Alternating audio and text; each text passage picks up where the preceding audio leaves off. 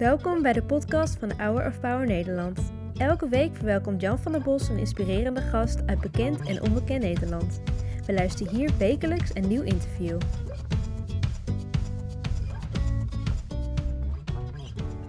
En dat was het koor. Ze zongen Unclouded Day. En wat kunnen ze toch fantastisch zingen. Ze zijn echt mijn uh, favoriete vrienden geworden.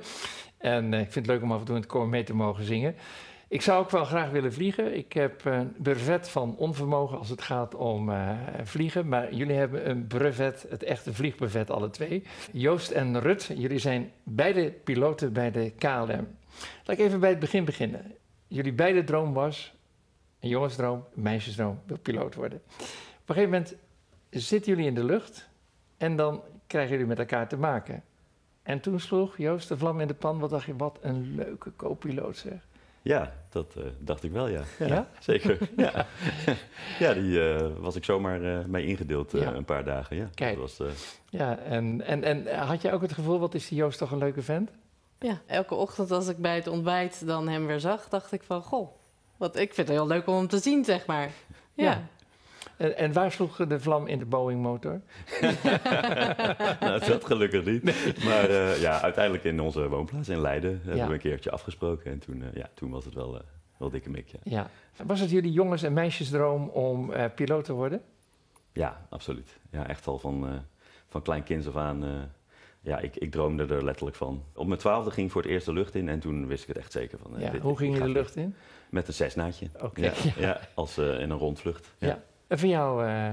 Ja, voor mij bijna hetzelfde verhaal van jongs af aan. Uh, we gingen vaak op vakantie met het vliegtuig en toen was de cockpitdeur nog open. En dan ging ik altijd even kijken en ik dacht, nou, dat uh, lijkt mij ook wel wat. Ja. En toen heb ik gespaard. en toen we in Amerika op vakantie waren, heb ik toen een rondvlucht geboekt, ook toen ik 12 was.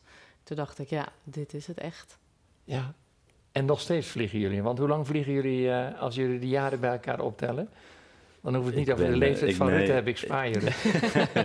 ik ben 30 jaar geleden begonnen met vliegen op mijn 16e. Ja. Uh, ging ik zweefvliegen en uh, inmiddels zit ik uh, 21 jaar bij KLM al. Ja, en jij? En ik vlieg 23 jaar, waarvan 14 jaar bij de KLM. Ja, jullie hebben een heel andere keuze gemaakt in jullie leven. Ik weet dat als je piloot bij de KLM bent, dat dat een heel goed betaalde job is. En jullie gaan van een mooie Boeing met uh, heerlijke stoelen en fantastisch eten en, enzovoort. Gaan jullie wat anders vliegen? We gaan bij MEF, Mission Aviation Fellowship, gaan we vliegen. En waarschijnlijk gaan we op een Cessna Caravan, Cessna 208 vliegen. Ja. Het is echt een vliegtuig wat gebouwd is voor de, voor de bush. Om op kleine, onverharde landingsbanen te kunnen opereren. Ja. En uh, daar kunnen ongeveer ja, 10 tot 15 mensen kunnen daarin. Ja. ja. Uh, mijn favoriete airline is de MEF, de Missionary Aviation Fellowship. Ik heb er heel veel mee gevlogen in Afrika en Azië. En uh, ik heb doodsangsten uitgestaan als je dan moet landen op een baantje van 150 meter, terwijl je eigenlijk 500 meter nodig hebt en dan zo helemaal tot stilstand komt. Dat is toch wel een heel ander leven. Waarvoor hebben jullie ervoor gekozen? Wat was jullie intrinsieke motivatie? Het is roeping. Uh, daar kun je het wel onderscharen. Een roeping uh, van God of roeping? Ja, ja? ja, ja dat toch wel. Ja, um, ik geloofde tot twee jaar terug niet eens. En ik ben tot geloof gekomen en sindsdien ja, is er in ons leven gewoon echt wel het een en ander veranderd. En ik kende MEF helemaal niet, uh, Rut wel. Wij kregen allebei tegelijkertijd gewoon een heel groot verlangen om onze talenten en ervaring te gaan gebruiken voor het vliegen op die plekken waar, het, waar de hulp nodig is, waar we met het vliegtuig echt van dienst kunnen zijn. Ja, prachtig werk. Jij kwam twee jaar geleden tot geloof. Rut, jij was al wat langer geloof. Je had ook al problemen in de kerk. Je stuurde me een brief, die vond ik erg mooi. Want je schreef, voor mij was Hour of Power in een moeilijke tijd mijn houvast. Ja, zeker wat, weten. Wat bracht het je? Ja, connectie weer met God. En die was je een kwijt, opbouw. Hè? Ja, die was ik echt kwijtgeraakt. En ook weer een, een, ja, een opbouw met een, als een persoonlijke relatie met God. Ja. Want ja. hoe ging dat in jullie huwelijk? Jij geloofde niet, jij geloofde wel. Je geloof uh, was aan het wankelen. Dacht jij wat fijn dat ze nu van de geloof aan het afvallen is? Of had je dat... Nee, dat, dat was al gebeurd eigenlijk voordat ik haar leerde kennen. Ja? Dus ik leerde haar eigenlijk kennen ja, als, uh, nou ja, bij wijze van spreken, ongelovig, net als ik. Um, maar op een gegeven moment ja, wilde Rut dat toch, zocht God. En ja, ging Hour of Power kijken bijvoorbeeld. Dus ik heb het ook wel eens gezien. Had je ooit gedacht, ik zit misschien eens bij die man aan tafel? Nee, dat had ik echt nooit gedacht. Nee, nee, nee. nee. dat is wel, wel bijzonder, ja. Want ik had toen zoiets van, nou ja, het is prima. Als jij dat leuk vindt, dan ga je dat lekker kijken. En ja, wat, waar je blij van wordt. Ja. Maar ik, ik had daar helemaal niks mee verder. Ja. Wat was het moment dat jij je handen weer terug kon leggen in het leven van God? Nou, ik had een steeds groter verlangen om me toch weer bij een kerk aan te sluiten. En, maar ik wist niet zo goed naar welke kerk. Ik wist wel dat ik het liefst een beetje in de buurt van Leiden wilde. Dus toen op een gegeven moment heb ik het aan God gevraagd. En toen was ik bij Hour of Power, die in de Hooglandse Kerk een dienst had. En toen werd pastor Arno van der Knaap werd naar voren geroepen. En toen zei mijn vader, die zei van, oh, die heeft een interview gehad met Jan van der Bos. Dus toen ben ik dat terug gaan kijken. En toen later ging ik een keer googlen en toen kwam weer God Center naar voren. Toen dacht ik, nou, dan is het driemaal scheepsrecht. Dus daar wil God dat ik ga kijken. En ja, vanaf de eerste keer dat ik daar kwam, voelde ik me thuis. En toen dacht ik, ja, dit is mijn kerk. Ja. Joost, ging ook mee naar God Center in, in, in Leiden.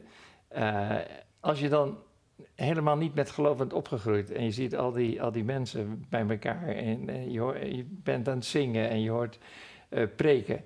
Hoe, hoe komt dat dan over je heen?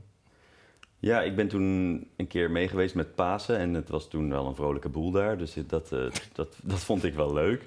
Uh, en ja, ik zag wel dat die mensen daar echt wel geloof hadden, dus dat vond ik mooi. Maar ja, ik, ik kende God niet, dus ik had zoiets van, ja, het niet voor mij. Maar later um, zijn we in contact gekomen met Johan Toet. Ja, dat was die, een van de grootste criminelen ooit. Ja. Die heeft hier ook aan tafel gezeten. Ja, en en, en die, ehm, die zat ook bij ons in de kerk. En nou ja, eigenlijk ja, op een hele wonderbaarlijke manier zijn we met elkaar in contact gekomen. En toen heeft Johan eigenlijk gewoon tegen mij gezegd van... Joost, als je, stel nou dat God bestaat, zou je hem dan willen leren kennen? En toen had ik eigenlijk zoiets van, ja, dat, dat wil ik eigenlijk wel. En toen, heb ik, toen hebben we daar gewoon voor gebeden. En ja, dit, ik heb God wel een beetje leren kennen al inmiddels. Ja. ja want jij bent wel uh, de man van ratio en bewijs. Ja. Bewijs het maar dat God bestaat. Ik heb hem nog nooit gezien. Nee, klopt. Ja. En ja, eigenlijk sinds die tijd dat ik me er heb voor opengesteld, uh, ja, ging het toch geleidelijk aan. Gebeurden er dingen in mijn leven, of bij Rut of, of in de kerk, waarvan ik dacht: Goh, dat is toch wel frappant. En eigenlijk allemaal kleine dingetjes, waardoor ik toch steeds verder bevestigd werd van: ja, dit is inderdaad wel ja. Dit is toch wel God, inderdaad. Ja. En dat geloof bracht jullie ertoe om tegen de KLM te zeggen: vrienden, we maken een einde aan ons mooie contract. En we gaan in die kleine vliegtuigjes vliegen. We gaan nog even kijken, een mooi filmpje over zieke mensen die worden opgehaald.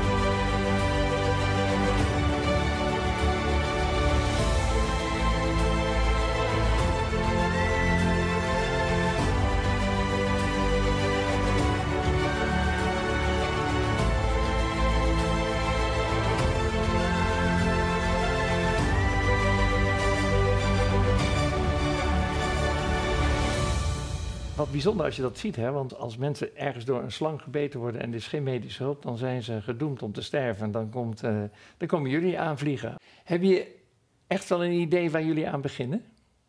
Of is het een avontuur? Het is een avontuur, maar inmiddels weten we er wel wat meer van natuurlijk. We zijn nu ja, ongeveer een jaar bezig hiermee.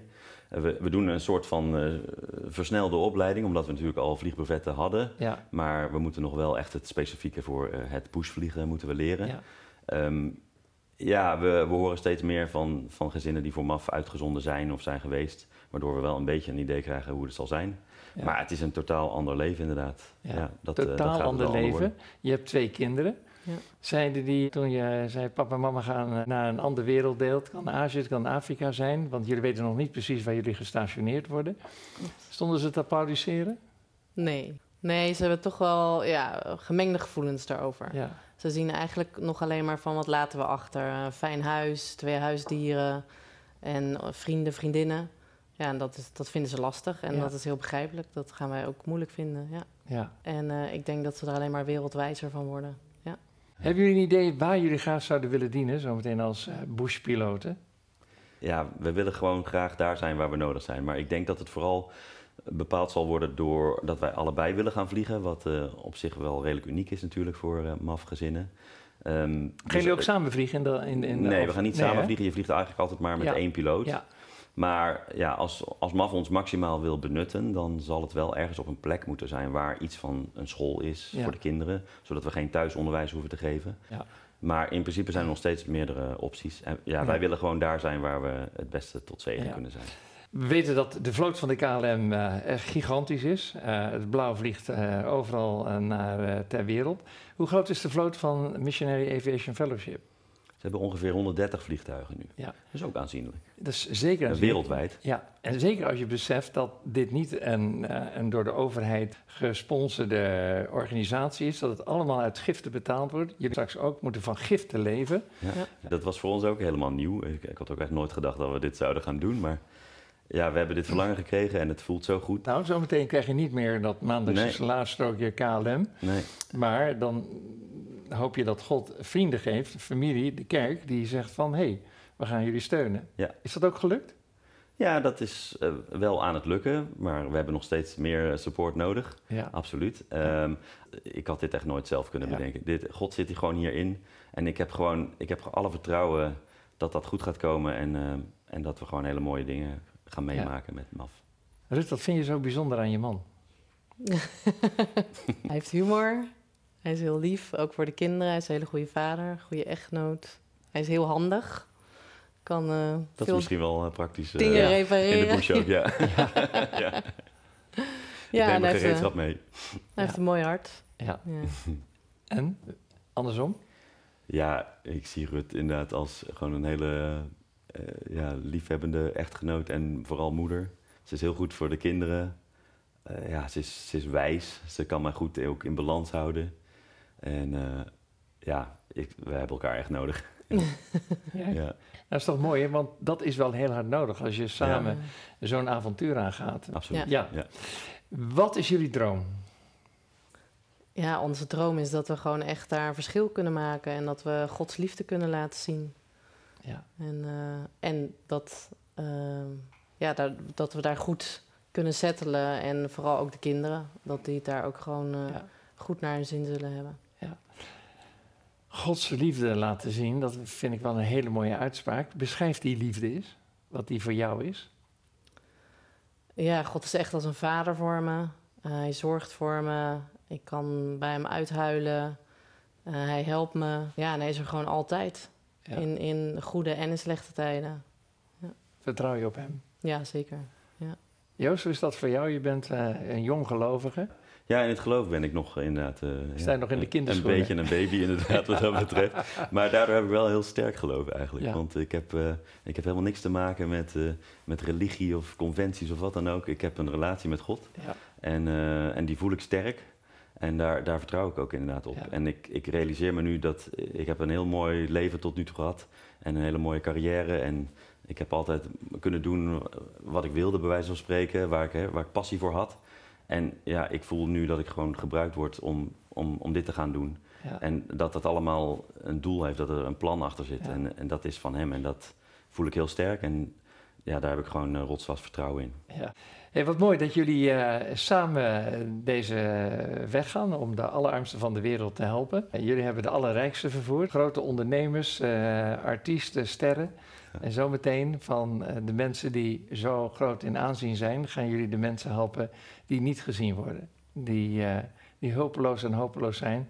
Tenzij jullie langskomen met je vliegtuig om hen te helpen. Dat is wel fantastisch mooi, hè? Ja, zeker. Oké. Ja.